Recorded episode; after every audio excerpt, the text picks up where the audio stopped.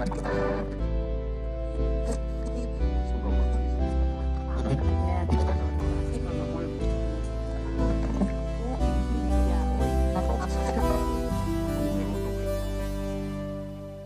Tere, hea kuulaja, alustamas on Dialoogia. Dialoogia on Tartu Ülikooli sotsiaalteaduste taskuhääling, mille eesmärk on pakkuda sissevaadet sotsiaalteadlaste töösse ja tegevusse. mina olen Maria Murumaa-Mengel, mina olen sinu üks saatejuht, töötan Ühiskonnateaduste Instituudis meediauuringute kaasprofessorina, aga ma ei ole siin üksi saatejuhina, mul on saatejuhiks veel meeldiv kaaslane Maia tere, tere taas kord. Maia on jätkuvalt juba teist kuud järjest Ühiskonnateaduste Instituudis noorem teadur, kes tegeleb meediapädevuste uurimisega. tore tagasi olla. no vot ja täna me hakkame taas kord äh, rääkima ühe huvitava teadlasega, õppejõuga, tal on kindlasti veel igasuguseid rolle. Äh, ja täna on jõudnud kord äh, haridusteaduste kätte. meie külaliseks on Maarjo Mäeots, kes on ähm, Haridusteaduste Instituudi haridustehnoloogia kaasprofessor, nii et meil täna tuleb siin jällegi natuke interdistsiplinaarset juttu, ma arvan, aga saame ka küsida kõik haridusega seonduvad küsimused, õpetajatega seonduvad küsimused, digipädevuste küsimused, mis iganes ära. Meil läheb täna umbes tunnike kuigi. me ma... lubame seda ju alati ma lu-, me iga kord ütleme, et meil läheb tunnikaga, siis meil on mingi tund ja viisteist, tund ja kakskümmend. no pole hullu, mina ka ei tea ju, kuidas sina seda kuulad, hea kuulaja. kas sa oled meid pannud topeltkiirusele, et meie niikuinii kiire kõne veel kiiremaks muutuks, siis võib-olla saad tunnikesega hakkama. igatahes ühele tunniajasele jalutuskäigule võiks ennast praegu sättida, kui see on see, kuidas te oma äh, taskuhäälinguid kuulate. Tere, Maarjo. tere meil on ähm, saate alguses vaja panna paika salasõna, sest et teadlastega juhtub vahetevahel sedasi, et äh, teadlane läheb äksi täis ja siis, kui ta läheb äksi täis, siis ta hakkab rääkima igasuguste keeruliste sõnadega, mis äh, ei pruugi olla näiteks teise valdkonna teadlasele või niisama asjahuvilisele arusaadavad ja siis on meie ülesanne Äh, no mitte otseselt karjuda või röögatada, aga niimoodi hellalt öelda sinu jutu vahele see turvasõna, see selline asi, milles me oleme kokku leppinud. Mm, mis võiks olla meie turvasõna täna uh,? juba läks raskeks mm,. turvasõna. turvasõna no ma ei tea, et siin oli äh, matkasaapad matkasaapad. ahaa, eetrivälise jutu jätkuks. no ikka, nii, ma pean üles kirjutama. kohe matkasaapad no.. mis asi on haridustehnoloogia ja millega tegeleb haridustehnoloog? no haridustehnoloogia mm, eesmärk on äh, õpetajatele näidata, kuidas eesmärgipäraselt tehnoloogiat kasutada õppetöös. ükskõik milline tehnoloogiline vahend, on see tahvelarvuti kasvõi näiteks, et kuidas seda oma tundi eesmärgipäraselt äh, integreerida mm. -hmm. sest me räägime peamiselt info- ja kommunikatsioonitehnoloogiatest on ju, mitte nagu ma ei tea, et kuidas sest et noh, tehnoloogia on nii lai mõiste, et ma ei tea, püksid on tehnoloogia. ei, see ei ole see, et tööpealpinke, need on, see on tehnoloogiaõpetus ja et see päris see ei ole mm. -hmm. nii et me räägime just nimelt siis äh, kõikvõimalikest nutividinatest, platvormidest, seadmetest, äh, mis võiksid ja mille puhul on loodetud, et need aitavad meil haridust paremini anda. just. väga hea, sellega me alustame nüüd saame hüpata natukene juba rohkem teemasse sisse. Maarjo, kohe, kui sa ütlesid, et me räägime tegelikult sellest, milliseid digividinaid kasutada, alustaks siis sellest, mina ei ole käinud mingi kaksteist, kolmteist, neliteist, okei okay,, neliteist aastat jah, üldhariduskoolis. mis asjad siis kasutuses on? meil oli ainult äh, tahvel, tahvlilapp, millega vahepeal õpilasi visata. kui sa mõtleksid praegu, et keegi, kes pole ammu kooli jalga seadnud, mis on need vahendid, mis siis viimase kümne-viieteist aastaga koolidesse tulnud üldse on? ma ei tea, kus ma alustan. Äh, ma alustan sellest, ma olen ise, ma lisan äh, Mariale kohe juurde siin selle, et, äh, et ma olen tegelikult veel koolis õpetaja ka. et mul on nii-öelda fresh data on olemas, mille baasil öelda. kui ma kunagi kaks tuhat neli alustasin, siis oli probleeme sellega, et äh, oleks klassiruumis projektor näiteks. see võib olla uus asi, mida sa omal ajal ei näinud, et klassides on projektorid. siis äh, mis edasi, mis on veel uuendused, on see, et äh, ähm, internetiühendus on, wifi'd. siis äh, enamasti on ka tahvelarvutid. paljudes koolides on äh, smartboard'id või sellised interaktiivsed tahvlid, millega saab äh, tundi siis mitmekesistada. Selle mõte võib olla see ka, et äh, kuidas õpilasi parem kaasata ja loomulikult on roboteid palju, erinevaid roboteid, mida saab siis äh, sõltuvalt vanusest siis äh, tundi integreerida või sisse tuua. Need enamasti on, need robotid on enamasti sihuke algklasside teema, et kus niisugust lihtsamat programmeerimist ja sellist asja õpetatakse. ja siis mis mul veel tuleb õpetaja tööle, mis mulle endale meeldib hullult, on see dokumendikaamera näiteks, mis vanasti oli grafoprojektor, mäletate mm? -hmm. see minu õudusunenägu, mäletan, kui ma pidin praktikat tegema, siis äh, öeldi, et äh, vaata, kui sa nüüd selle kile paned, et õiget pidi paned selle, et tagurpidi ei ole, et see pidi tunni ära rikkuma äh,. aga tänapäeval on siuksed ägedad asjad nagu dokumendikaamerad, mida saab nagu, kus ei ole seda probleemi, et vahet ei ole, mis pidi paned, alati saad õigesti keerata ah,. üks asi veel, mis on nagu osades on see virtuaalreaalsus ka, mis sa saad teha, eks no. kas praegu võib olla niimoodi, et ähm, mõni kuulaja ütleb, et nojah, võib-olla mingis eliitkoolis küll on. rikaste. rikaste koolides jah, võib-olla need asjad on, et kas, kas need seadmed, need noh, just nimelt nagu vidina tasemel, kas need on jõudnud koolidesse ühtlaselt? enam-vähem ühtlaselt või, või nagu mida te olete märganud? mida ma märganud olen see, et koolidesse ma arvan, et on suhteliselt geilt juba need seadmed jõudnud. Et äh, me rääkisime hästi nagu lihtsatest asjadest praegu, me ei rääkinud siin mingisugustest programmidest, asjadest, mida võib veel juurde osta ja teha, eks onju. aga võib-olla pigem on see lasteaed, hoopis on see, kus on murekoht, kus neil ei ole lihtsalt projektoreid, asju, mida saaks kasutada, mis tundub kooli mõttes nagu täiesti tavaline mm. -hmm et noh, see on pigem, ma ütlen koolide osas, ma arvan, et on suht okeilt, sest äh, riiklikud projektid erinevad, mis on nagu suunatud sinna, et taotleda mingit taristu arendamiseks ja nii edasi, nii edasi nii et lasteaed on praegu see institutsioon, millele me peaksime võib-olla rohkem mõtlema. kas äkki lasteaedadesse on välditud digividinate viimist just sellepärast, et hoiame selle lapsepõlve puhta ja süütuna. niikuinii nad ju lähevad varsti kaelad kõveras omas. just, just. ei no see on, see on tüüpiline asi, sellepärast et äh, ma ei ole nagu viimast seda õppekava versiooni näinud, peab äh, tunnistama, mis lasteaedade, koolieelse lasteasutuse mm, nii-öelda käiku läheb Äh, aga põhimõtteliselt on see, et, et ega me ei saa sellest tehnoloogiast kuidagi mööda vaadata, see tundub täiesti nagu mm, vale mõtlemine minu arvates see, et, et me keelame ära, sellepärast et äh, kus laps selle tehnoloogiaga kokku puutub, on kodus. enamasti lapsevanemad äh, on need esimesed eeskujud, esimesed õpetajad, kes näitavad neile neid nutiseadmeid, asju. ja siis, kui me lasteaias nagu mm, saame nagu, siin ongi see koht, kus õpetaja nagu saab äh, oma kompetentsusest lähtuvalt nagu ja eesmärgipäraselt seda integre-, eh, nagu tundi sisse tuua või sellesse tegevusse sisse tuua. täna ma just enne, kui siia tulime sellesse dialoogikasse, siis mul oli täna üliõpilastega praktikum, kus me käisime GPS kunsti tegemas, mis on see, et me läheme Raekoja platsile nutitelefoniga. Nad kõnnivad ja joonistavad põhimõtteliselt pildi ja, ja siis äh, see on juba tegevuse algus. kui me kujutame ette kumakest ja me oleme kõik kumakest teinud kunagi, kus on see esimene ülesanne on see ühendad punktid mm -hmm. ja siis tuleb välja, mis sealt tuleb. Maria, mis sul tuli seekord? Mul tuli kohe mingi poiss, kellel on lill käes. poiss, no siis tavaliselt on sealt mingi karu või jänes või mingi siuke asi. ei, siuke miks... marakratt on hästi sageli on selline väike sassis juustega marakratt. ei, ei, ei, ma räägin seda, et karu tuleb. ei, selles mõttes, et tuleb karu välja, siis ongi, kui kujutame ette nüüd lasteaeda, lasteaial on kõrval siuke suurem plats alati, paneme sinna dokid maale, numbrid külge ja siis lapsed käivad selle numbrite järgi, õpetame matemaatikat, loendame üks, kaks, kolm, neli. samal ajal salvestab see liikumine nagu näiteks spordirakendusega ja joon jääb maha. Lähme, lapsed lähevad äh, rühma, paneme projektori käima, näitame, näe, me käisime õues praegu kõndimas, mis välja tuli, karu mm. -hmm.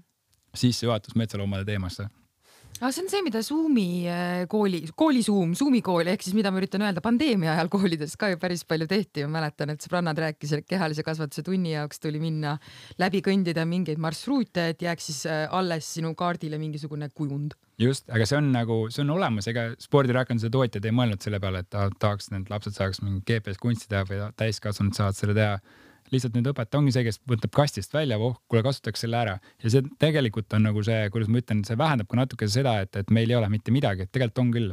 aga ongi see, et õpetaja enda loovus, enda, kuidas ma ütlen, sihuke nagu võime mõelda klassist välja, see nagu loeb palju mm. -hmm. kui mul ei ole, siis no enda telefon ikka on, me saame käia oma telefoniga kasvõi mõni lapsevanem on nõus andma. ja siis tegelikult saab ka lastevanemale öelda, et kuule, et nagu meil on täna vaja seda telefoni, seepärast et me läheme õue, kujutage pilti, me läheme kõndima mm. -hmm.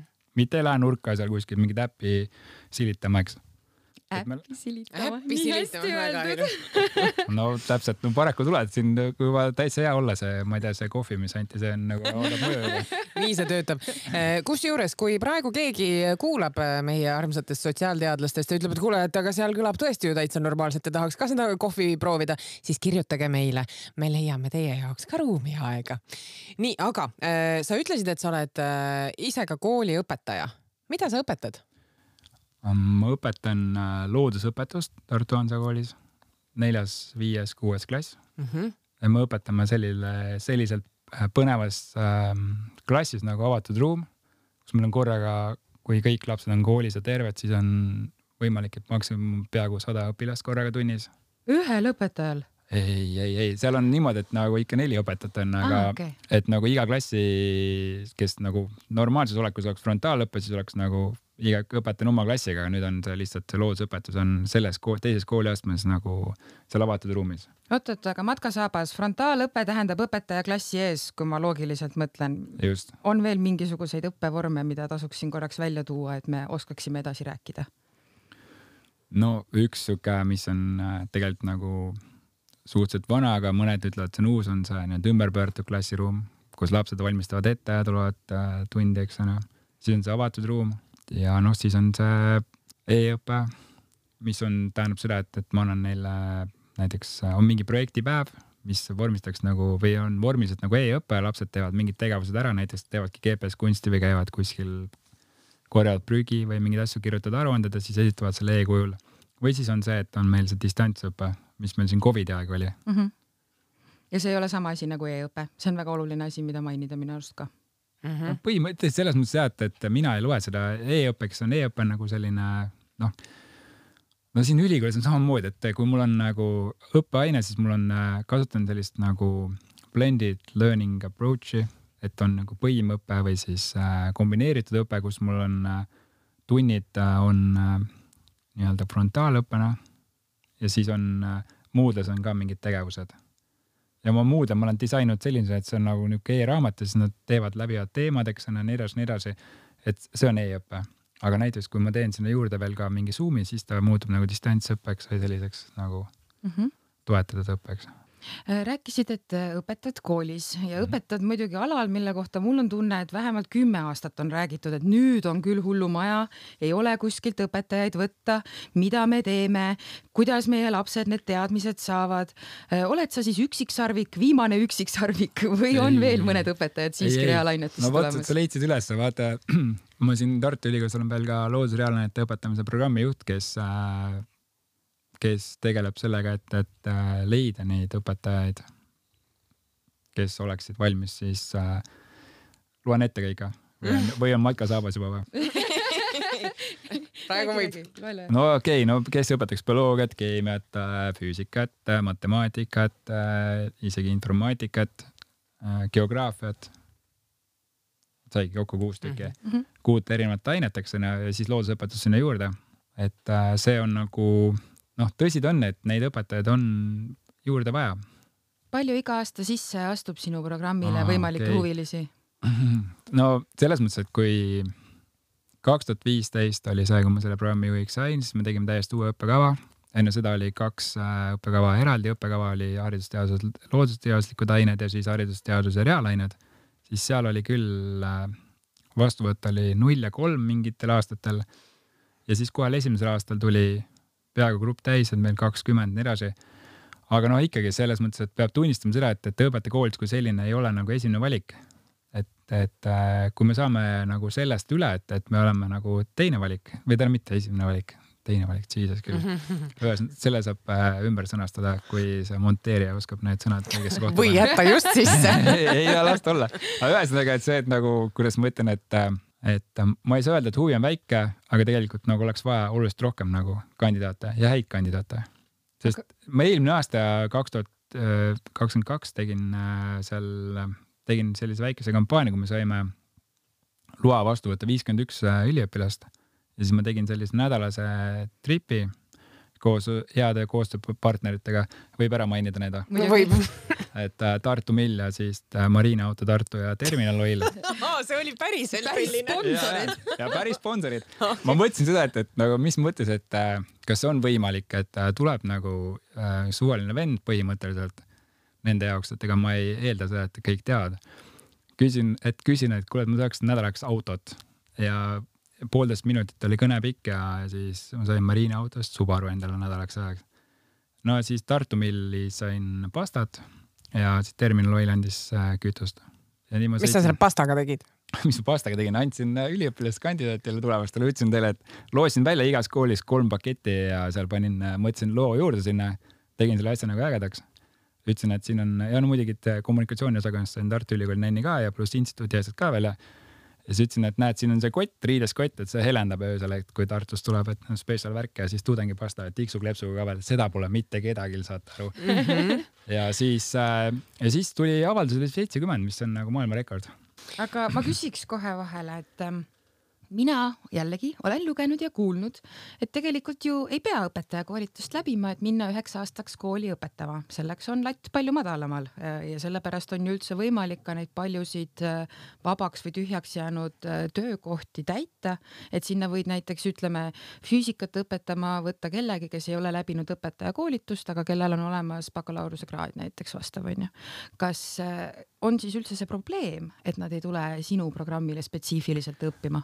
Ei, ma ei, kohe alustan sellega, et, et nad, ma ei eelda seda, et nad tuleks minu programmile, lihtsalt on see, et nagu õpetajaks õppimine üldine, üldiselt nagu oleks nagu selline teemaks. aga no ma ei, selles mõttes ma saan aru küll, mida mõeldakse, et aga samas tundub nagu ebaloogiline, et, et äh, ma võtan nagu õpet-, õpetajaks kellegi, kes ei ole nagu saanud vastavat ettevalmistust. no tõenäoliselt ma võib-olla teen nagu liiga sihuke utreeritud näite, et nagu me ei eelda, me eeldame seda, et hambaarst on nagu äh, kogenumustega. me ei saa eeldada seda, et, kui mingi vend on käinud äh, iga aasta viiskümmend korda hambaarstile, et me ei saa öelda, et ta proff on juba mm.. et siis ma ütlengi, et okei okay,, tal on kogemused juba, et las ta siis puurib ise, eks onju. et mm. no, noh, see on niisugune, et siin on ikkagi vaja seda, et mingit õppekoha, sa pead oskama nagu lastega ümber käia mm, -hmm. sa mhm. pead oskama ikkagi nendele leida. see ongi see, et nagu see on see koht, kus ma ütlen alati, et kõik ei sobi õpetajateks. Et õpetajaks sobivad teatud tüüpi inimesed, kes äh, oskavad nagu mm, läheneda teistmoodi, lähtuvalt situatsioonist, ühesõnaga, et sa pead olema valmis nagu muteeruma ümber mm,. iga klass ei ole samasugune. ja, ja iga klass, isegi iga klass, seesama klass võib olla sul teisipäeval on äh, nagu sa ütlesid, marakratid, eks on ju, seal kummakeses äh,. järgmine teisipäev on täiesti kukupaid kaisukarud, eks mm. mm.. ja õpetajal peab olema, ma ei salli üldiselt seda tööriistakasti metafoori enam, sest see on nii ülekasutatud, aga õpetajal ongi olemas oma õpingutest saadud selline terve hunnik meetodeid, mida ta saab siis vastavalt olukorrale noh, sealt tööriistakastist on ju välja tõmmata ja see muudab ta professionaaliks. just, aga no ma mõtlengi, et äh, siin sa pead olema no tööriistakastis võib see haridustehnoloogia ka olla üks näide sellest, et mida nad oskavad, kuidas saada nagu tänapäeva, sa pead ühelt poolt, sa pead olema valmis nagu ka ise muutuma lähtuvalt sellest äh,, lähtuvalt siis ajastust, eks ole, sa pead nagu arvestama seda, et millised need lapsed on ja nii edasi, nii edasi, sa pead muutuma. mina võin öelda küll oma selle kogemuse pealt, et lapsed on muutunud. Nad on teistsugused, ma ei saa samamoodi nende ette minna, kui ma kunagi läksin, kui ma esimesi aastaid tegin. mis sa teistmoodi praegu pead tegema? no eks ma pean ennast äh, oota, üheksateist aastat oled õpetaja olnud? no sügisel saab üheksateist jah. nii, no võtame, kerime tagasi üheksateist aastat tagasi ja täna nagu, mis see põhiline erinevus sinu silmade läbi on ja see võib olla subjektiivne, sest et noh, see võib-olla ei, ei ole see uuringute kese. ei, ei, see ei ole, ma ei ole seda uurinud, ma lihtsalt räägin seda mm -hmm. praegu endalt puhtalt nagu tunnetusega, et, et ma tajun seda, et lapsed on teistsugused, nagu nad on äh, rohkem ärevil. Nad ei suuda alati võib-olla nii hästi keskenduda, kui kurat, ma olen nagu see, vabandust äh,, must saabas või see porisaabas. matkasaabas. et seda, et, et, et see, et ma olen nagu sihuke juba muutunud, üheksateist aastat ja hakkab vist hakkama virisema juba et omal ajal olid vaata siuksed lapsed, kes nagu tundsid huvi. mul on tunne vahepeal, et see, et, et ei ole piisavalt nagu väljakutseid. et nad ei küsi vaata enam mingeid lisaküsimusi vaata mingi teema kohta, et äh, neid, vot seda ma olen näinud, et nagu sihuke huvi on nagu vähenenud natukese sellise äh, lisateadmiste omandamiseks. aga võib-olla nad teevad seda ise, et nad ei küsi õpetajalt, aga nad lähevad guugeldavad. ei tea, ma ei usu seda. aga ma räägin enda, enda kogemusest praegu, ma ei, võib-olla mm -hmm. tõesti nagu kuskil jällegi, no see on nagu sihuke tunnetuslik ja see on Äh, subjektiivne S-tähega ja suure tähega. no lapsepõlveuuringud äh, loomulikult viitavad ka sellele, et äh, inimesed, generatsioonid muutuvadki ja aeg nõuabki teistsugust laps, lapsepõlve ja meedia aitab kujundada erinevaid kogemusi. et kindlasti siin on subjektiivsuse aste on suur, aga tegelikult ka väga suured sotsioloogilised uuringud näiteks viitavad sellele, et lapsepõlv kolmkümmend aastat tagasi ja täna on täiesti erinevad asjad. aga siin ma kohe ütlen, et siin tulebki see koht, kus õpetaja Maarja teeb tavaliselt, et nagu siis ma tulen ise äh, challenge'iga välja. et äh, mul on sihuke üks äh,, ma käisin siin Tšiilis ühel konverentsil siin oktoobris, novembris tegelikult, vabandust. seal oli maavärin, eks ole. magasin maha muidugi selle, see on kummaline öelda, et ma varisin, magasin maga selle jah sa olid seal ja siis sa magasid samal ajal? magasin ja, aga see mul. ja sa ei ärganud üles? kuidas see võimalik on? sellepärast, et lihtsalt vaata Eesti mehed ei, neid mingi väiksem maavärinaid, need ei ole mitte midagi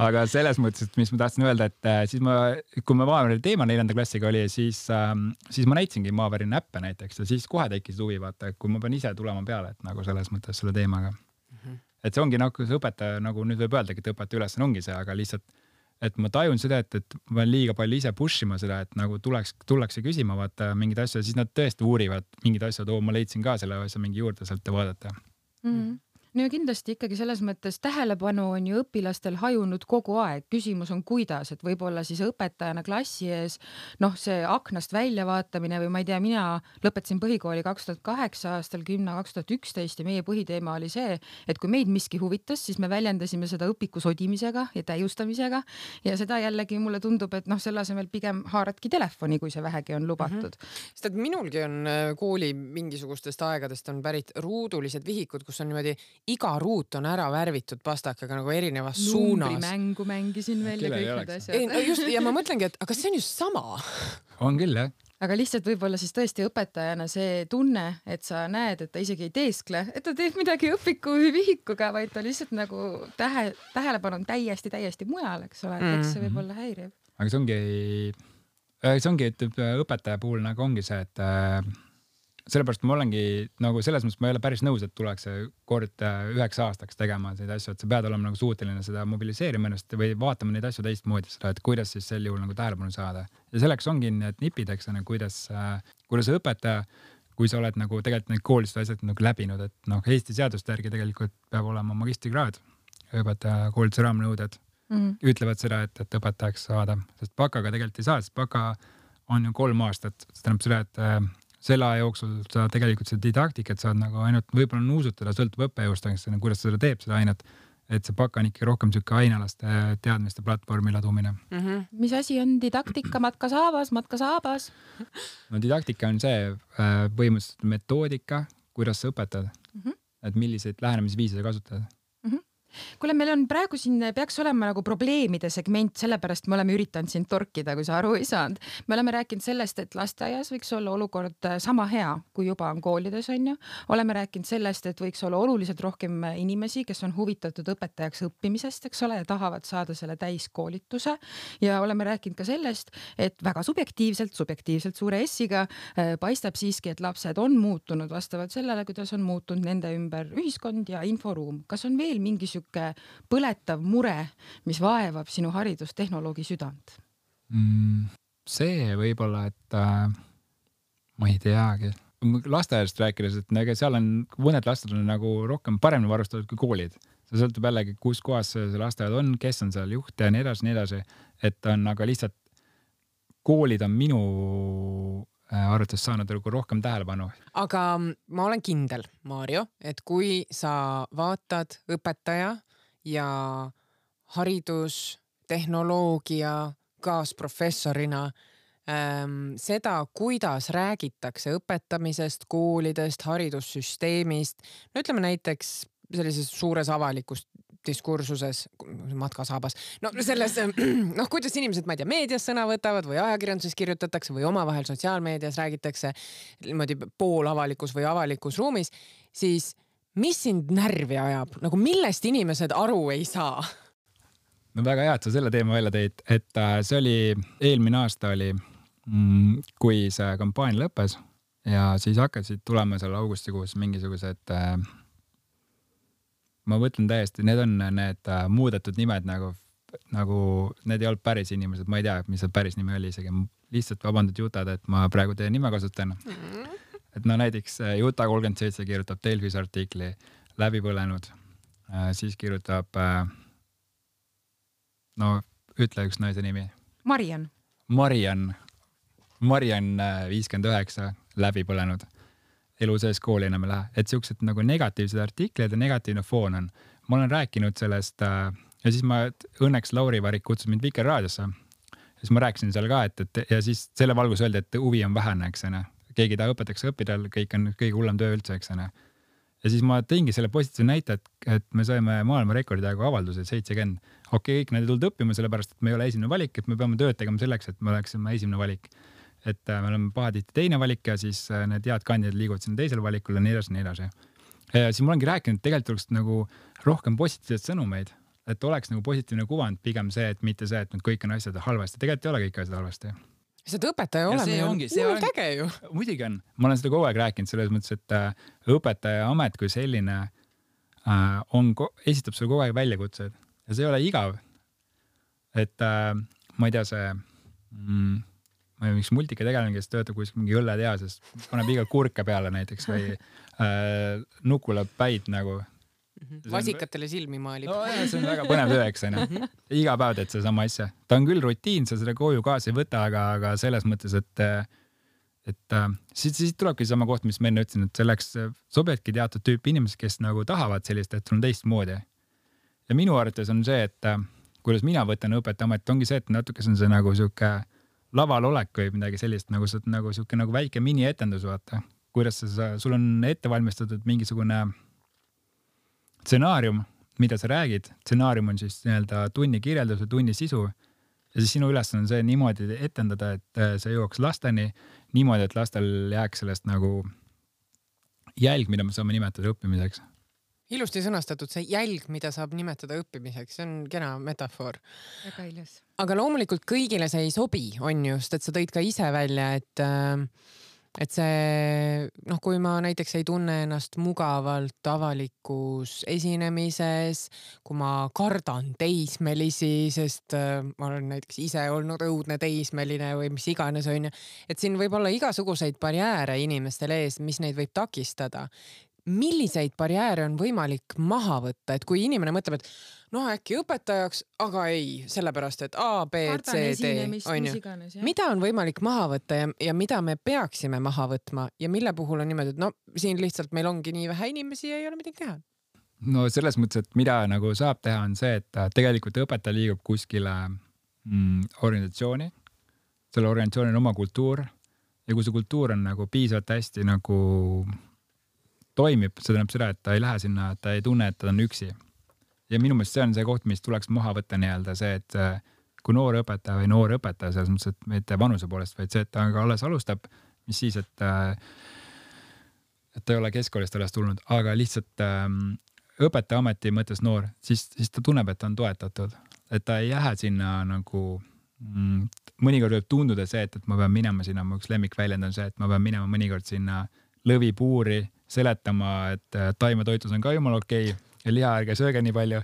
et kuidas sa seda nagu seletad, et ta ei tunneks seda tunnet, et siis ongi see, et kus kohas äh, õpetaja vajab tuge, noor mhm. õpetaja.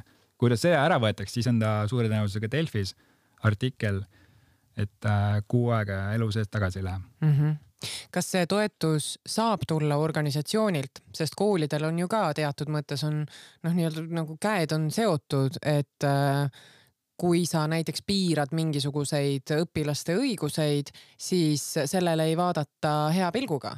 et kas kool üldse saab siin alati tuge äh, pakkuda?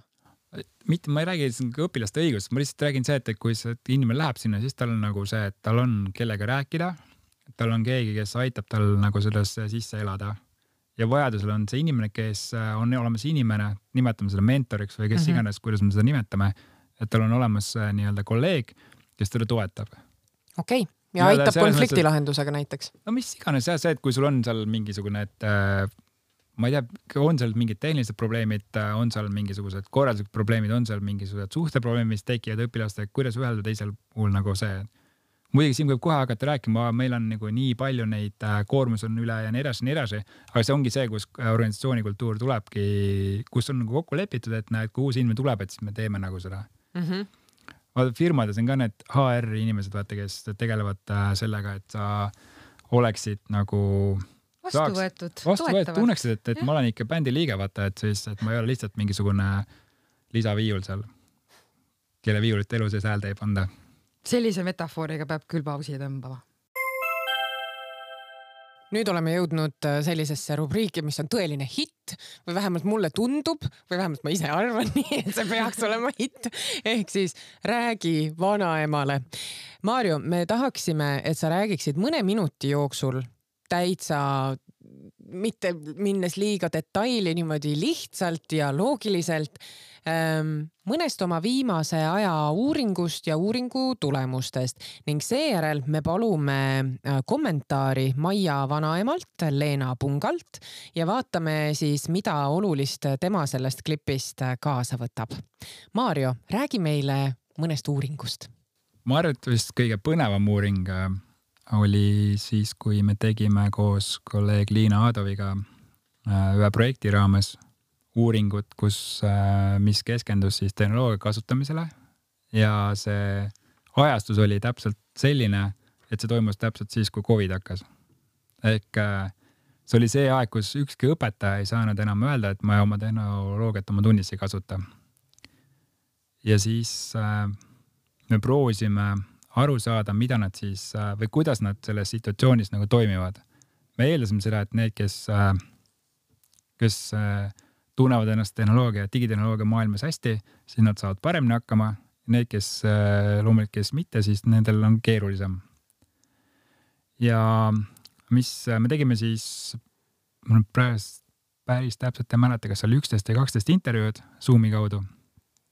Ja kus me küsisime seda, et, et mida nad siis nagu või kuidas nad oma tunde teevad ja millist tehnoloogiat kasutavad ja nii edasi, millised probleemid neil on ja ja no mis probleemid tekkisid kohe oli see, et äh, kui see Covid ju hakkas niimoodi, et reedel oli kõik hästi, esmaspäeval öeldi, et nüüd olete kodus, tehke e-õpet. ja siis nad kirjeldasid äh, probleemina, ühe probleemina selle, et nad ei suutnud äh, kohe tunnetada seda, kui palju, millises mahus üldse ülesandeid anda. ja, ja see oli üks probleem, teine probleem oli see, et milliseid äh, vahendeid selleks kasutada. Ja siin tuli mängu see koordinatsioon. Jälle, kui organisatsioonikultuur nagu toimis, siis nad leppisid kiiresti kokku, millised, äh, millist keskkonda kasutada, kui te nüüd panete ennast õpilase olukorda, siis kui sa pead äh, ühe õpetajaga kasutama Google Meetsi, teisega Zoomi, kolmandaga mingit muud vahendit, siis on väga keeruline seal nagu teha asju. ja teistpidi see, et, et nagu see maht ka, et kui ma ikka mõtlen seda, et kui õpetaja mõtleb oma tunni peale, et nii, okei okay,, laps on kodus annan talle selle asja, siis ma annan teise asja. teeme seda veel liiga ruttu valmis, paneme kolmanda asja ka veel juurde. äkki on ikka vahepeal neljanda asja ka, see on esimene tund. ja kui niimoodi iga ja noh, kui, kui lepiti kokku see, et, et, et tundide arv jääb samaks, et kuus tundi on päevas, siis kuus tundi on päevas. et mitte kaotada mingeid asju ja see oli nagu sihuke, umbes mõned õpetajad ütlesid, et see läks umbes kaks nädalat, enne kui nad selle paika said. nii, siis äh, see oli huvitav asi. Äh, siis teine asi, mis oli leida, oli see, et, et meil eristusid nagu selgelt kolm sellist õpetajate gruppi. ühed olid sellised nagu ma ütlesin ka, et sellised, kes olid nagu enne juba seda Covidi aega väga tublid tehnoloogia kasutajad, kasutasid tehnoloogiat erinevates äh, tunniosadest eda-, läbiviimisel ja nii edasi, nii edasi. ja siis olid äh, keskmine grupp, kes olid seal nagu natukese sihuke vahepealsed, natukese proovisid, aga samas julgenud ka palju ja siis olid kolmas grupp, kes ei kasutanud üldse mitte midagi. Ja huvitavad olid just need esim-, äärmuslikud asjad, äärmuslikud grupid selles mõttes, et eh, ka neil olid probleemid, sellepärast need, kes olid, tundsid ennast väga hästi, nendel oli see probleem, et neil oli liiga palju valikuid. liiga palju valikuid, milliseid asju ma siis valin? ma kogu aeg ise olen mõelnud seda, kui ma õpetajatele seal kuskil koolitusel, kus ma rääkinud sellest, sellest uuringust rääkinud olen, siis nagu siuke mõneti nagu, kui naine peab minema peole, sul on mingi kümme kleiti, no ei suuda valida, millega minna täna. aga siis see, kes, äh, kellel, kes ei olnud nagu sihuke tehnoloogia kasutaja, neid iseloomustas pigem see, et nemad äh, äh, ütlesid seda, et, et äh, kui me küsime nende käest, et kui Covid läbi saab, kas nüüd nagu rohkem kasutama ja uurite, kuidas teha, siis nad väga mitte, et ma lähen samamoodi edasi nagu varem. ja neid iseloomustas selline stiil, kuidas nad nagu ülesannet andsid lastele, oli see, et tehke töövihikus pilti ja saatke mulle meili peale. siin on nagu üks asi, mis on eeldus see, et nende eeldus oli see, et äh, lapsed oskavad, mis on omaette teema tegelikult. et tegelikult nad ei oska, mis siin on see problemaatiline koht oli see, et nad võivad pilti teha, aga see meili saatmine on nagu äärmiselt keeruline.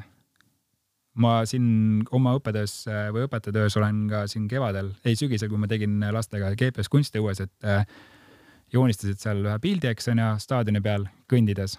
Ja siis ma ütlesin, saatke mulle meili peale ja siis nad tulid sinna oh, oh, oh, please help. et äh, tegid seda matkasaapa nalja, et stopp, kuule, ma ei oska seda meili saata. et nagu sellised asjad joonistasid välja ja, ja see on see koht, kus nad, äh, mis on natukese nagu kuvas jälle ikkagi välja see, et õpetajad nagu eeldavad liiga palju see, et meie tänaval lapsed oskavad tehnoloogias kõike. ja see tekitab nagu uue probleemi, mis ei ole selle uuringu tulemus, aga see, mida ma olen rääkinud ka palju, see, et õpetaja peaks ka oma õppetöös ka ikkagi mõtlema seda, kuidas äh, laste neid digipäravusi toetada no nii, vanaema, seekord oli sind, sinuga rääkimas siis loodusõpetuse õpetaja, nii et õpetajalt õpetajale mm. -hmm. kuidas sulle kõlasid need digivahendite ja koroonaajaga seotud jutud? Kõigepealt ma olen õnnelik, et ma olen kaua aega juba koolist ära olnud. et ma ei ole minu, no ütleme, ütleme esimesed kokkupuuted nende, nende tehniliste vahenditega olid oi jumal kui ammu. ja siis ma mäletan, kuidas ma sain esi, üks esimene olin, kes koolis sai endale inglise keele tundi maki. ja kui keeruline minu jaoks selle maki käivitamine ja õigete kohtade väljaotsimine oli. ja siis muidugi viimased aastad ma töötasin siin maakoolis ja siis tulid need e-päevikud, eks ole ju, ja noh, nende kasutamine ja, ja, ja kõik need muud lood. Äh, aga ma ei oskagi öelda, kui palju ma, tähendab, ega mina ju sel ajal, kui ma tööl olin, ega mina eriti neid, neid digivahendeid ei kasutanud. põhiline oli see, et õpilased kirjutasid, ma õpetasin gümnaasiumi osa, kirjutasid oma kodukirjandid ja saatsid mulle siis meili peale ja mina saatsin siis oma parandused ja neile tagasi. nii et noh, nii palju tegin. Äh, mida ma veel oskasin kasutada, ega ma eriti midagi muud ei kasutanudki, nagu põhiline oli see kirjavahetus õpilastega, eks ole. Ja siis, siis ma ikka laule õpetasin ka niimoodi, et ma mäletan, üks oli mingi väga ilus jõululaul, mul ei tule praegu üldse meelde, üks eestlaste laul. Ja kuskilt poole kõrvaga kuulsin ja siis ütlesin ühele klassile, et kuulge, tulge otsige nüüd mulle see laul ka siit arvutist välja, et ma tahaks ka kuulata ja ma tahaks ka ära õppida. nii et, et noh, jah aga kas õpilased siis oskasid, sa ütlesid, saatsid õpilastega meile. Maarja just rääkis, et temal oli kogemus enda õpilastega, et ei oska meili saata. minu omad küll oskasid, ma ei oska öelda, kas no midagi keerulist seal ju ei olnud, ta kirjutas selle valmis, ta teadis minu aadressi, saatis mulle, mulle tuli kohale. minu õpilased küll sellega hädas ei olnud, aga võib-olla ka sellepärast, et nagu gümnaasiumiklass ja, ja võib-olla nad olid ka juba natukene rohkem harjunud nende saatmistega mm. -hmm. et see minule kirjandi saatmine ei olnud neil esimene saatmine, ju nad ikka mm pidasid kirjavahetust ka ja saatsid oma kirju ja asju ja nii, et oli natuke lihtsam. aga mina üldiselt siiski no ma ei tea, ma olen vist väga vanamoeline, aga mina ikkagi eelistaksin õpilastega silmast silma kohtumist ja asjade arutamist. et olgu peale, otsime kuskilt internetist, leiame mingi huvitava lehekülje, näitame teistele ka ja vaatame koos ja, ja arutame ja, aga tervet õpet digi peale üle viia, seda ma ei kujuta hästi ette. Seda ma ei kujuta hästi ette, aga noh, ma olen juba kah tõepoolest, nagu ma ütlen, ma olen juba kümme aastat peaaegu koolist ära olnud ja, ja ma olen noh, nii vana, et ega minule need asjad enam nii kergesti külge ei hakka.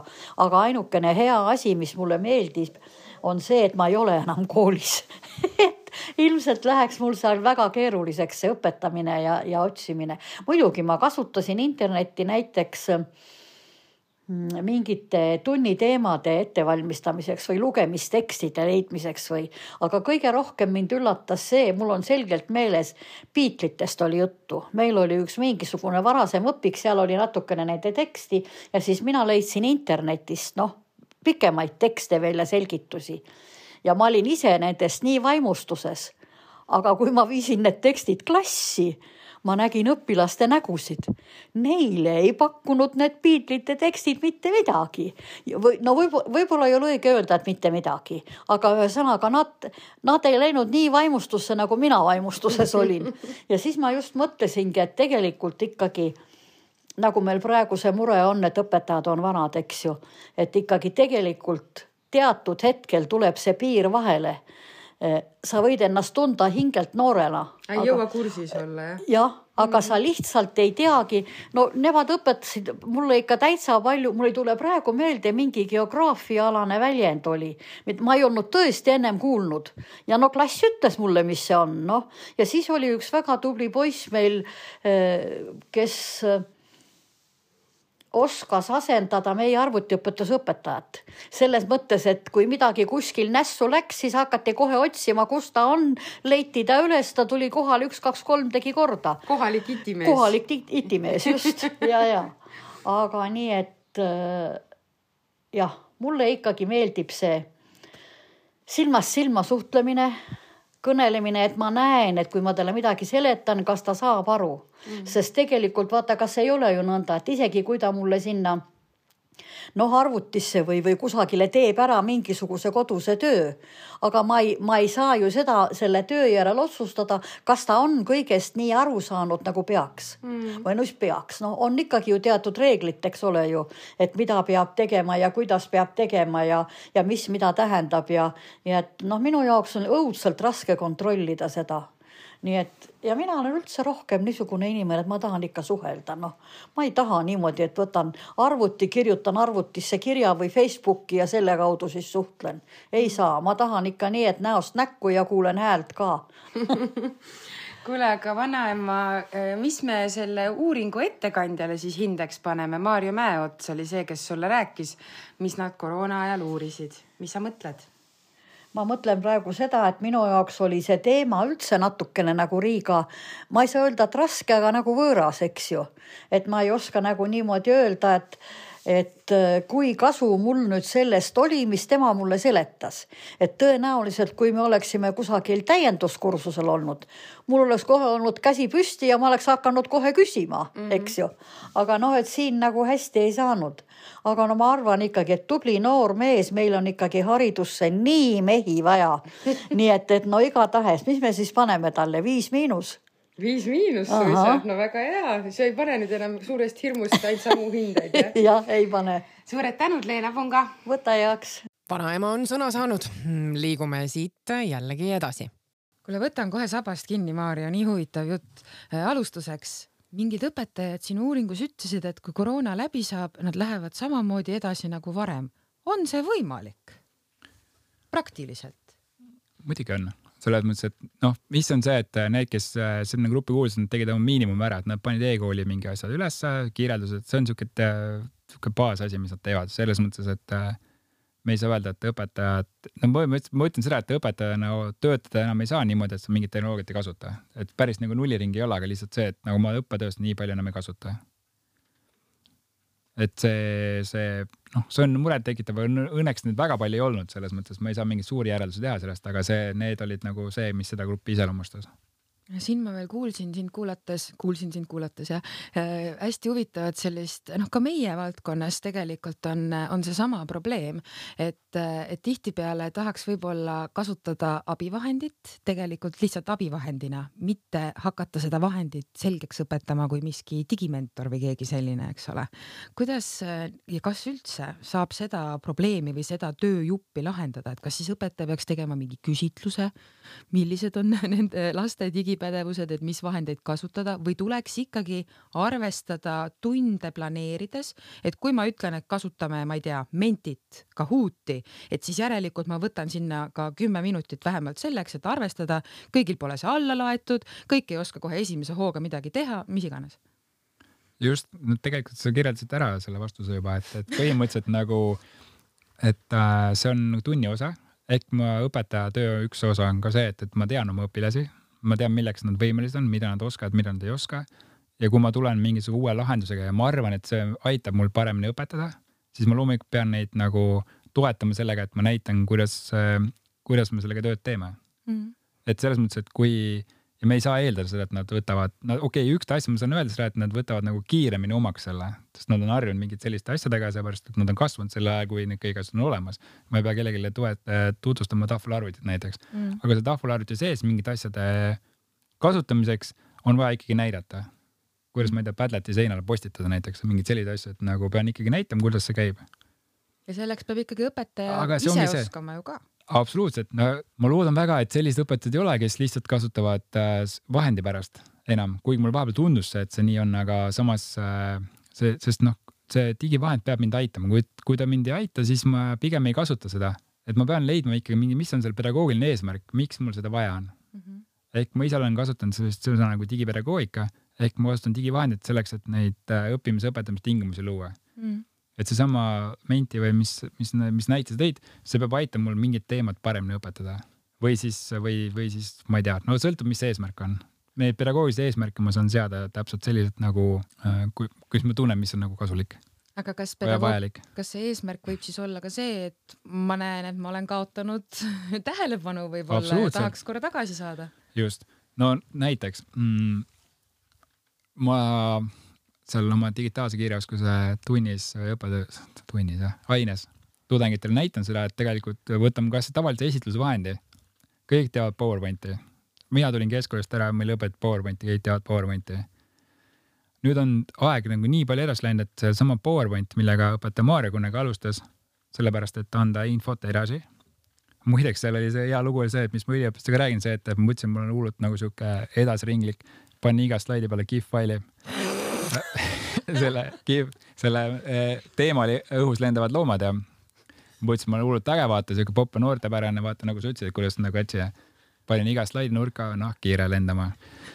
ja tundus jumala äge, aga et probleem on selles, et ta ei olnud enam äh, äge õpilaste jaoks, sellepärast et sellest, see sai mm, väga suureks äh, segavaks faktoriks, et mina ei näinud, sellepärast et ta oli mul selja taga see slaid ja siis ma ei tea, kakskümmend minti läks mööda, siis üks äh, noormees ees pingis ütles, kuule äkki saab selle naki ära panna, et see veits nagu häirib.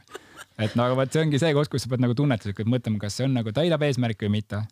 et sellega ma olen nõus, et tegelikult tehnoloogia aitab nagu kaasata, äh, kaasata või sellist nagu engagement'i teha, kaasa haarata ja siis, kui nüüd esitlusvahenditest see jutt, kus ma alustus, oli see, et äh, ma näitan õpilastele, üliõpilastele seda, et, et tegelikult meil ei ole ainult PowerPoint, meil on kuues slaid ja kui ma näitan sellist joonist sellega, et kus ühel otsas on sellised äh, staatilised esitlused, teises otsas on dünaamilised, et me saame oma esitlustarkvara ka kasutada sellisena, et, et nagu oleksime rohkem kaasahaaravad, meeldejäävad.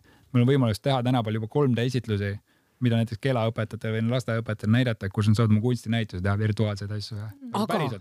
aga jama on selles, et mulle tundub, et nende vahenditega on õpetaja töösse lisatud üks kiht veel, et sa pead olema nagu noorte digikultuuriga hästi kursis, mida enne ei olnud, sul ei olnud kohustust aru saada, et see kihv ei ole enam okei. Okay.. see on juba mingi blackface imine onju, sealt jookseb mingisugune vana nali, see on mingi Minioni meem, neid teevad ainult pensionärid Facebookis onju, et sa pead nagu selliseid asju nüüd ka veel arvesse võtma. ei no see on, vaata, mina olen nagu, ei ole võib-olla standardõpetaja ka, selles mõttes ma veits kiiksuga selle koha pealt äh, kastist välja mõtlen, et, äh, et äh, eeldatavasti sihuke GIF failis näide sellest, et kuidas on võimalik ei, aga, nagu aga... proovida, aga selles mõttes, et ma saan aru küll, et aga, aga ma mõtlen, õpetaja ongi see, et kes otsustab äh, Eestis on hea õpetaja olemas, mul on suht autonoomselt, keegi ei ütle mulle, kuidas ma täpselt õpetama pean ja mina otsustan, kas ma teen seda äh, niimoodi või teen naamoodi ja see, see on, aga sest äh, ülim eesmärk on ikkagi see, et, et me täidame neid õppekava ootusi Mm -hmm. Peame... aga see vorm võib ju segama hakata, sest et noh, siin me rääkisime praegu kihvidest, aga enne seda oli see mingi tähekujuliselt sisse lendamine või oli see papüürus äh, sans, mis iganes selle kasutamine või Comic Sansi väärkasutus või mis iganes, et äh, et seal on, jääb alati jääb nagu selle, selle vormi taha võib sisu kinni jääda. muidugi, kui sa paned äh, täpselt õige need äh, välkum pauk slaidid, need ei äh,, ei kindlasti mitte, nagu see ongi see, et, et nad on pigem segavad. no minul selles, et kui ma üliõpilastele ka või koolitusi teen õpetajatele, siis ma räägin samamoodi, et ei maksa neid slaide üle koormata ja siis toon oma näite, pluss veel võtame siit äh, kunagi oli ETV-s oli üks saade see mingi lastetuba või ma ei tea, mingi asi oli seal tutvustasid, lapsed olid külalised, siis oli seal mingi kuubik oli seal, tantsis kõrval seal niimoodi. ja siis mõtlesin, et kumb, nagu see oli minu arust nagu kõige suurem segaja üldse, mis seal olla sai. et see laps kadus üldse ära, kes oli kutsutud sinna saatesse rääkima mingeid asju ja siis oli, ja see graafik oli pandud mingi sama suur kuubik oli sinna kõrvale tantsima pandud niimoodi. Mm -hmm. ja kui see kõne, see on võib-olla kolm minutit, siis see nagu juba huvi kaob ja tõmbab mm. -hmm. tähelepanu kuhugi mujale üldse. mm..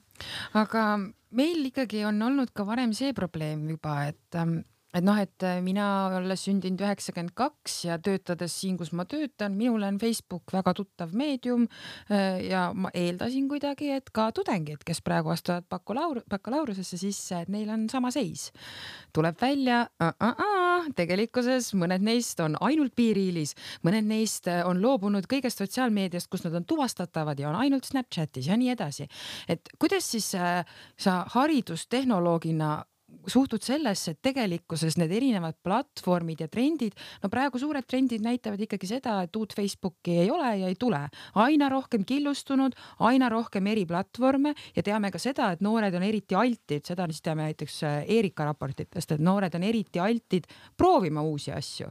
kas siis õpetaja peaks ikkagi proovima sama palju kui noored uusi asju või siis ikkagi võtta endale pigem tööriistakasti, sinu ärritamiseks, Maria, tööriistakasti mingisugused kindlad asjad, mida sa tunned ja tead, eks ole, ja jääd neile mingiks ajaks kindlaks. palju sammu peab pidama? selles mõttes, et ega õpetaja ei jõuagi seda, et see ei olegi eesmärk omaette, et ma peaks kogu aeg kõigi asjadega kaasa minema, et see, see, ma olen kasutanud siukest sõna nagu haip ka, et see on nagu siuke haipiga kaasa ei maksa minna. pigem ongi see, et õpetaja ise tunnetab, kus on tema see mm,, tema piir, millega ta hakkama saab, sest no loomulikult on see, et õpetaja peab tajuma seda, et, et see, mida ma teen, et ma tunnen seal selles keskkonnas äh, mugavalt et mm. keegi ei taha meist äh, minna sinna, nagu ma tõin selle lõvipuri näite, et nagu minna vabatahtlikult sinna mingeid selliseid asju tegema. kuidas te õpetajakoolituses seda mugavust loote? kas te harjutate koos, on teil mingisugused virtuaalreaalsuse No- prillid, mis iganes? selles mõttes, et mina nagu otseselt nagu nendega koos ei harjuta seda, sest on teised ained, kes sellega tege- tegelevad, kes, kus nad harjutavadki, teevad minitunde asju ja siis need saavad tagasisidet, vaadatakse neid tunde ja niiviisi, et niimoodi tekib see nii-öelda kogemus ja selline tunne selle kohta, et mismoodi nagu oleks nagu hea, kus ma tunnen ennast hästi jah, enesekindlus, eks ole, Just. tegelikult see ongi see, kust tekib enesekindlus. just, mida mina teen, on see, et, et näiteks kui täiendkoolituse õpetajal teen tegevõpetajatele, siis ma näitangi neile mõne näitan neile, et nad saavad hakkama. Kuidas ma ütlen siis äh,, aitan neil sellist nagu hirmubarjääri ületada hästi lihtsate asjadega. digipädevused, digitaalne kirjaoskus, kuidas iganes me seda nimetame eesti keeles, me ei ole vist nagu leidnud väga head sõna sellele digital literacy's asjale, aga mm, see on põhimõtteliselt siis selline oskuste, teadmiste, hoiakute komplekt, mida inimesel on vaja selleks, et äh, tänasest digitaalsetest tehnoloogiatest läbi imbunud maailmas hakkama saada. mis on haridustehnoloogi vaatest ja ma panen sulle nüüd haridustehnoloogi mütsi pähe et kui, kui sa mõtled, et nagu meil on vaja, et õpetajatel oleks mingisugune selline nagu miinimumtase olemas, et kõik oskaksid enam-vähem ühesuguseid asju, kas saab üldse välja tuua digipädevust, et digitaalse kirjaoskuse alusoskused õpetajate jaoks? ma arvan, et saab. just selles vaates, et äh, meil on õppekavas digipädevus üks üldpädevustest, et noh, õpetajad nagu peaksid oma tundidest seda pädevust toetama. ja see eeldabki seda, noh näiteks äh, see on see koht, kus ma räägin, et äh, siin tuleb ka jälle mängu see organisatsiooni kultuur, kus tuleb kokku leppida. see tähendab seda, et kui ta on üldpädevus, siis ta on erinevate ainete vahel ära jagatud, et ei ole eraldi ainet nimega digipädevus või informaatika või mingid sellised asjad. et siis, kus seda võiks nagu õpetada. et see peab olema nagu loomuliselt, orgaaniliselt nagu ainete sisse integreeritud. Ja see on Aga- see koht, kus õpetaja saab nagu, kui ta teeb oma neid ülesandeid või tunde, siis ta saabki mõelda, et millise digipädevusele ma nagu siis keskendun. et noh, kasvõi siin on neid digipädevused on nagu nii lai, et see on nagu, kui me võtame seda Decomp raamistik, mis on Euroopa Liidus, seal on kakskümmend üks pädevust onju, alapädevust, mis on viis katuspädevust onju, siis seal on all on nii palju erinevaid asju, mis, mis ei eelda tegelikult, see õpetamine ei eelda äh, digivahendi kasutamist üldse. Et see on see koht, mida, mida võib-olla unustatakse ära, et äh, ja sellepärast võib-olla jäetakse nagu see nagu kuidagi tahaplaanile mm. -hmm. et kus kohas ma pean näiteks autorikaitsest rääkima, et mul on tahvelarvutist selle jaoks vaja või Mm -hmm. Et- sest DigComp äh, või noh, üldse pädevusraamistused, äh, nad kipuvad olema abstraktselt sõnastatud, ehk siis keegi ei ütle, keegi ei võta seda julgust, et öelda, et digitaalse kirjaoskuse alus äh, üks tala on see, et kõik oskaksid kasutada orkut.com-i onju, sest see läheb väga kiiresti vanaks. no täpselt, aga, aga ometi nagu midagi on ju vaja nagu kindlaks määrata, et nagu me peame kõikidele lastele õpetama seda, seda ja seda. no seal on kriitiline info tarbimine, kõik need siuksed abstraktsed sõnastused, aga sa pead selle tõlkima kuidagi ju operatsionaliseerima ta nagu tehtavaks tükiks. et mis praegu mingi, kas on olemas mingi konsensus, et asjad, mida Eesti koolilapsed peaksid oskama ja teadma? no meil on äh, see hindamismudel on, mis kunagi ITSA-st tuli, meil on digipärasuse tasemetöö isegi, mida mul oli au esimest taseme projekti juhtida kaks tuhat seitseteist koos Tallinna Ülikooliga. Ja siis ähm, no mingid sellised asjad on olemas. aga no ma ütlen, et seal on nagu hästi palju sõltub õpetajast ikkagi see, et kuidas ta suudab nagu seda edasi anda. ja see, et millal ma edasi annan, info otsimine on kõige lihtsam asi, mida saab üldse teha, ette kujutada, et kuidas see asi käib mm? -hmm. ja tegelikult nagu ja siis teine pool on see kriitilise info hindamine. et on tegelikult vanad asjad, ega mis asi meil siin väga muutunud, lihtsalt on keskkond muutunud, kus me teeme, kui me kujutame ette vanad, vanasti käisime raamatukogus, raamatukogu leti taga istus naisterahvas või härra, ütleb, mul on sellised raamatud vaja, ta teeb sulle viis raamatut, siis on see info otsimine, andsin talle märksõna, too mulle viis äh, puudekasvatuse või seda äh, no mis iganes teemal raamatut ja siis järgmine faas on see, et ta toob need raamatud ja siis sa hakkad kriitiliselt hindama, millist raamatut võtta, millist võtta mm. -hmm. nüüd, nüüd on praegu see, see inimene, kes seal leti taga on asendanud Google'iga. ma panen Google'isse mingi märksõna ja siis tuleb mulle vastus ja siis ma vaatan, millise asja ma valin sealt.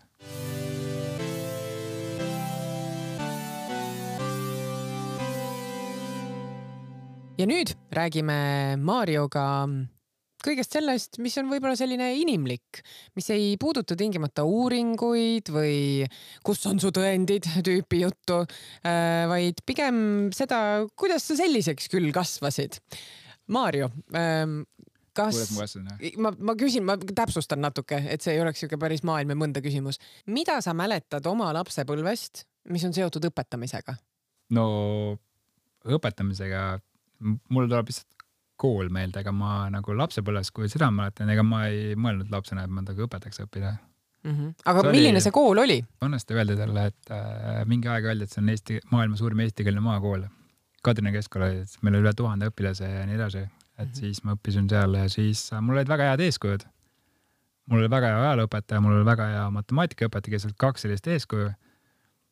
et äh, ma tõesti, mul oli kaks valikut, kui ma keskkoolis olin, et siis äh, ma tahtsin minna tegelikult äh, õppima videomontaaži, verisiid, sest ma hästi palju tegin selliseid nagu koduvideosid. sõbra käest laenasin videomaki äh, teise videomaki, et siis ma ja siis ma avastasin mingi aeg, kuidas suure südatilkus verd lõhkusin ühe juhtme ära selleks, et no vaata, omal ajal ei olnud neid juhtmeid võtta, nii et lähen praegu sinna sellesse äh, nüüd on reklaamikoht sinna poodi, teate küll, eks enam, kus juhtmed saab osta ja siis äh, lõhkusin selle ära, et saada heli taha. hullult äge, mulle täiega meeldis see. ma isegi teenisin raha selle mingi aeg, et ma käisin Siemensi suvepäev filmimas ja mingeid asju, isegi ETV-s olen nagu monteerimas käinud Hmm. Aivar Müüri juures ähm, aga, aga siis äh, tol hetkel oli see, et äh, teine valik oli siis nii-öelda tekkis, et võiks nagu õpetajaameti peale minna. aga tol hetkel, kui ma lõpetasin, siis oli raadiorežii ja siis, siis ma tahtsin ikkagi edasi minna, siis tulin, alguses pidin Tallinna Ülikooli minema, siis Tartu Ülikoolist helistati, siis tulin Tartu Ülikooli, nüüd ma olengi siin. mis mõttes helistati? helistati jah, kuule Maarja, kuule sa oled nagu väga vend, et tule. ei olnud. ei olnud muidugi lihtsalt aga.... ma usun ju kõike, mis sa räägid. ei, ei, ei, ei see, noh, ma ei tea, igatahes see oli niimoodi. aga nii, et sinust oleks siis võinud saada hoopiski režissöör? no jah, midagi sinnakanti, sest mulle see töö väga meeldis, et ma tegelikult olen sellega hobi korras siin veel natukese tegelenud ka. aga lihtsalt praegu ajaliselt nagu ei ole, ma isegi ostsin kunagi Go, GoPro kaamera, eks ju. sellega saab ägedaid klippe teha, aga see. kogub tolmu nüüd kindlasti. ei, ta ei kogu nagu, see viimane GoPro käis äh, siin paar nädalat tagasi, me käisime mäestikulaagris Kütiorus, et siis äh, teate küll, Kütioru on siinsamas lähedal, eks on ju, kaugemale ei julge minna. et äh, siis äh, sai seal klippe teha.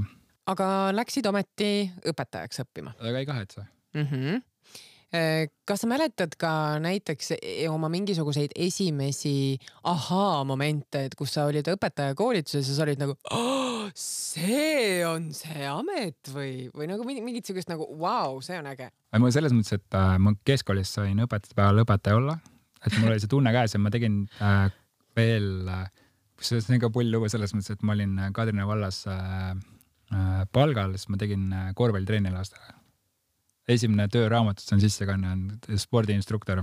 no õpetaja. ja, mul tegelikult nagu lastega töö meeldis, vaata see nagu sobis ka, et nagu mul meeldib nagu suhelda ja, ja siuksed asjad, kompad ja siis siin ma nüüd olen kiirelt äh, üheksateist aastat hiljem ja siin ma nüüd olen või rohkem onju. just, just.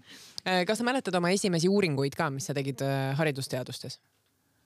Esimene uuring vist oli seotud äh, baka või selle diplomitööga, tol ajal oli diplomitöö, siis ei olnud Bologna protsess veel olnud, siis ma olin diplomiõppes, oli.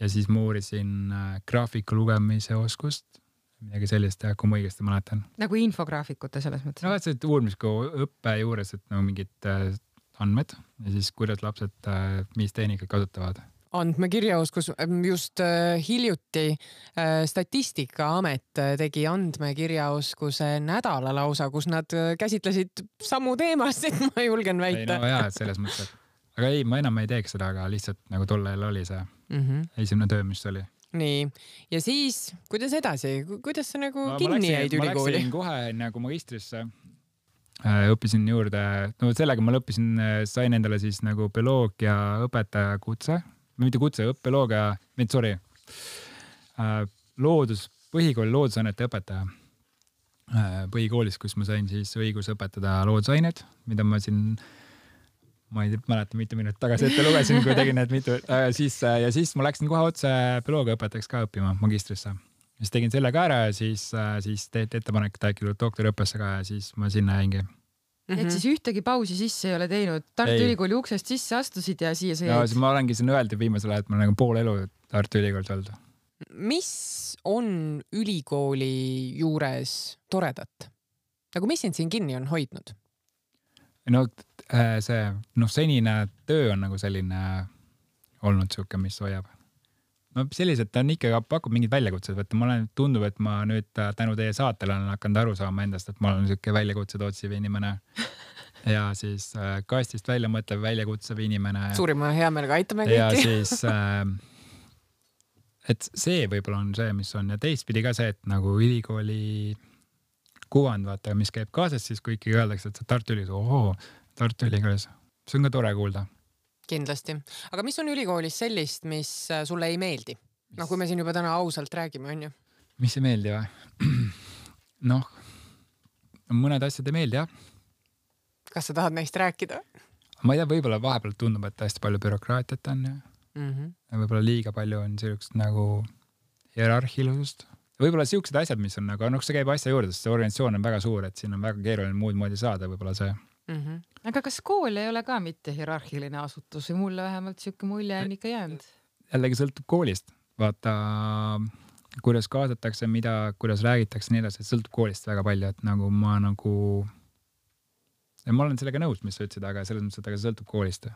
-hmm. kool on rohkem kui üks Tartu Ülikool, et selles mõttes, et nagu Tartu Ülikooli sees on mitu väikest kooli nagu mm. -hmm kui sa mõtled tagasi, sest et noh, sa oled ju ülikoolisüsteemis olnud väga mitmeid aastaid.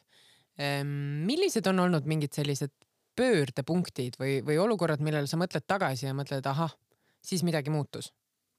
ma arvan, et esimene muutus toimus see, kui, kui ma tulin doktoriõppesse. siis, kui ma sain esimese lepingu, kui ma tulin tööle, siis ma nägin seda teist poolt üldse sellest asjast, mis noh, sa, kui sa oled õpilase rollis, siis sa saad ühtemoodi aru, vabandust, üliõpilase rollis, siis saad ühtemoodi aru või sa näed seda teistmoodi ja siis, kui sa oled nagu töötaja rollis, nagu ma praegu olen, eks olen õppejõu rollis, siis ma saan tegelikult paljudest asjadest teistmoodi aru, mida ma üliõpilasena ei mäleta, et oleks olnud niimoodi. kas sa tahad mõne näite tuua? ei taha ma just tahtsin öelda, et see on nii hull ülesketramine ja samas ümmargune jutt onju. no eks ma õpin ka, et eh, kuulda. kas, kas sa kavatsed siirduda poliitikasse, millest sellised Jüri Ratase you, you vastuse never know, kunagi ei tea seda kas sul meenub ka, sa ütlesid, et oli treenerina oli juba nagu selge, et üsna äge on nagu lastega tööd teha, aga kas sulle meenub ka eh, esimene sihuke klassi ette minemine ja no räägi ikka, et sa oled närvis ka olnud, mis siin on? muidugi, ei, ma ei nalja teha, ma olin, ma ikka noorena või kui ma alustasin, siis ma tegin ikka palju selliseid asju, mida praegu lihtsalt naeratad, et noh, kuidas ikka inimene ikka nii rumal on too näiteid, me tahame näiteid. no ma ei tea, no selles mõttes, et kui sa lähed, eks sinna, eh, tuleme sinna PowerPointi juurde, teed PowerPointi valmis, et oleks kindlus. Eh, tol hetkel oli korruse peal üks projektor, pidid hommikul vara kohal olema, et seda projektori saada, koos läpakaga muidugi. praegu on ju igal pool on projektorid mm. -hmm ja, ja siis äh, oli esimene stress oli see, et, et jõuaksid enne teisi äh, selle läpaka võtta ja siis projektori. okei okay,, jõudsid, PowerPoint on olemas, mälupulk töötab, et ei läinud äh, rikki, eks ole. ja siis hakkas tund. loomulikult esimene asi, et kindluse mõttes, et sa kõiki asju nagu peast ei räägi, et ei eksi, sest närv on ikkagi üleval. et sul on slaidi peal mingid tekstid ja kus need tekstid võtad, võtad õpikust. ja siis mingi aeg jällegi, ma ei mäleta, kas see oli kuuenda klassi poiss, ütles, kuule õpetaja, kuule, aga see on sama tekst, mis õpikus siis ma ütlesin oh-oh ja see lõi mulle nagu sellise äh, tule põlema enam ühtegi lauset sellest nende õpikust ei võtnud. käisin, otsisin alternatiivõpikut, sõnastasin ümber, et see oli nagu esimene sihuke õppekoht, mida tuli nagu siis äh, parandama hakata. siia oleks saanud hea sellise onu Raivo jutupliiatsi joonistada juurde, kuidas õpetajad higipull otsa ees jooksevad hommikuti. see oli nagu päris nagu see, et noh see oli veel see aeg, kui oli paberõpik ka ja siis, või see, mitte õpik, siis see päevik mm, -hmm, mis oli omaette õudus, sellepärast et kui oli hinded vaja välja panna, siis äh, äh, pidid ootama järjekorras ja kui mõni õpetaja unustas oma selle päeviku õpet tuppa tagasi viia, siis oligi mm -hmm. kööga. Äh, mida sa veel tahad ära teha lähiajal? no, mis ma veel tahan ära teha või? aga mul on neid palju asju, ma kõiki ei saa rääkida. no ütle mõni mm.. me oleme siuksed näite välja pressijad konkreetselt mm. onju, abstraktset juttu. detaile detaile uh,. Uh, uh. ma ei tea, ma olen äh, mõelnud, et äh, peab vaatama, kuidas nagu endale uusi väljakutseid leida. Et äh, nagu vist on vist jäänud kuvama selles äh, podcast'is, et äh,, et ma olen siuke väljakutse, väljakutset otsiv inimene mm. -hmm. ja no eks see on nagu selline asi, mis äh, ütleme nii, et elu peab põnev olema ja peab riske võtma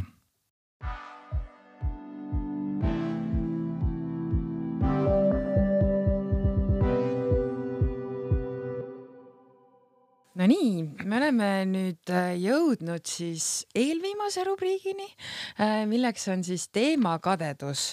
Ja inglise keeles siis, kuna sulle meeldib tõlkeid teha siin äh, jutu keskele, topic envy või love bombing ja, ja me mõtleme siis siinkohal just seda, et, et sa saaksid, eh, ma ei tea, hüüda peale Tartu Milli välja veel asutusi või inimesi, kes on sulle kuidagi inspiratsiooni pakkunud, sind tagant tõuganud või võib-olla kelle peale sa tõesti oledki parimas mõttes kade, et nagu ah, miks mina selle uurimisteema peale ei komistanud õigel hetkel õiges kohas.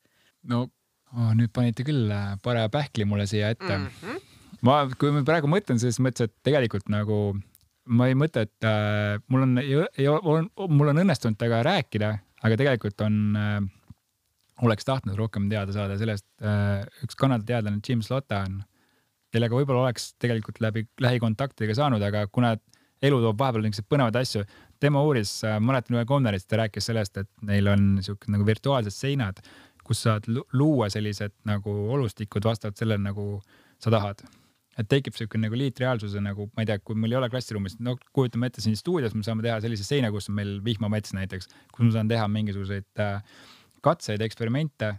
et vot mingeid selliseid asju, et, äh, et see oleks nagu olnud, mis on nagu, ma olen temaga rääkinud, ma võin niimoodi öelda, aga, aga kaugemale ei jõudnud. et tema, tema mõttes võiks ju kade olla sa rääkisid ka, et sind on inspireerinud sinu matemaatikaõpetaja, eks ole, ja ajalooõpetaja. kas sa tahad ka nende nimed välja hõigata või veel kedagi siin tänada? oi, mul neid äh, palju. Maarjatel saab äh, dialoogia see nii-öelda erinumber täis mu ajalooõpetaja oli Harri Laiv, kes äh, ajalugu tegi nagu nii põnevaks, et äh, et äh, see, seda lihtsalt oli, no ajalugu tegelikult iseenesest tundub, et see hästi kuiv, sa pead hästi palju tekste lugema, meelde jätma mingeid aastaarve asju, aga see tund iseenesest oli hästi meeleolukas ja, ja ma olin kogu aeg kaasatud. mitte ainult mina, et kõik olid kaasatud, aga ma ise tundsin ennast, ma olin kaasatud ja ma tahtsin ka selline olla. ja matemaatikaõpetaja oli Harri Laugas, kes oli nagu ülimalt range ma pole elu sees jõudnud tema tasemele, seda ma võin öelda, ma proovisin küll. Tal oli niimoodi, et kui sul hommikul oli kontrolltöö, siis lõunaks oli parandatud ja pärast lõunat võisid juba järgi vastama minna, kui metsa läks. just. suured ma... silmad saalis ja ma räägin, no selles mõttes, et seda on võimatu teha järgi. et aga ma olen mingit nippe temalt võtnud ka, aga selles mõttes, et aga see nõuab järjepidevust. ma saan ka tegelikult, äh, kuna ta elas nagu kooli internaadis, see tähendab seda, et ta tegelikult elas nagu sellest Kadri, eh, sellest koolist elas kaugemal, et ta nagu nädala sees ei olnud kodus, vaata, võib-olla see tekitas talle selle olukorra, et minu nagu äh, elu selline ei saa olla. et ma lähen nädalaks ajaks kuskile ära ja siis äh, Mm -hmm. võib-olla siis tekiks aega, aga ma ei ole ka sihuke inimene, et see mm. peab teatud inimene tüüp, aga see, kuidas mingit nagu metoodilisi nõkse ma sain nagu võtta mm kas teadlasena või noh, teadlaseid sinu võrgustikus on ka selliseid, kelle puhul sa tunned, et see oli esiteks kasulik sulle ja äkki kui mõni õpetaja kuulab, siis ka neil võiks olla huvitav nende töid või tegemisi otsida? no ma siin soovitan õpetajal lugeda, alustada sellest, et meil on äh, Eesti äh, haridusajakiri, kus on ilmuvad eestikeelsed teadustööd ja seal on kindlasti leiab iga õpetaja endale head lugemist ja see on eestikeelne teadus, mis on eesti keeles kirjutatud. väga karmi retsenseerimisega kusjuures. Mm -hmm. kvaliteedimärk. aga see tähendab seda, et ega siis äh, suvalised asjad sinna ei saa. et loomulikult, et seal on nagu see, et mis on Eesti teadlased teinud ja olgem ausad, eesti keeles kirjutada teadusest on väga raske me paneme muide kõik need äh, lingid, võib-olla no Tartu Millile ei pane. Aga me paneme kõik äh, lingid, äh, kus on Mario poolt kõne all või Mario poolt räägitud huvitavat sisu, me paneme ka oma Linktree sellisesse kogumikku siis. kuule, aga Mario, aitäh et sa tulid siia hoolimata sellest, et sinu ajus on torkinud tõenäoliselt terve päeva erinevas vanuses tudengid ja õppurid ja nüüd siis meie veel otsa oma uudishimulike küsimustega. Eh, me hindame väga, et sa meile külla tulid eh, kindlasti teavitame ka õpetajaid sellest, et sa meile külla tulid, ehk mm -hmm. siis eh, loodetavasti jõuavad seda kuulama täpselt need inimesed, kes võib-olla natukene vajaks siukest motivatsioonikõnet või eduelamust või julgustamist. või samastusvõimalust tõsi. muidugi äh, meid saab äh, igatahes kuulata taaskord platvormidelt, mis teile endale kõige rohkem meeldivad. Äh, vana nimega Anchor, mis ta nüüd on, Spotify podcaster, vahendab siis kahteteist platvormi. vali ainult endale meeldiv. otsige meid kindlasti üles ka teistelt sotsiaalmeedia platvormidelt. näiteks tegutseme me ja oleme endiselt truud Facebookile. tulge vaadake vaadake, mis materjali äh, sealt võib leida ja kui teil on midagi meile öelda, siis äh, dialoogi ja Facebooki lehekülje kaudu on seda kindlasti võimalik teha. aitäh, et kuulasite ja kohtume varsti jälle. tšau.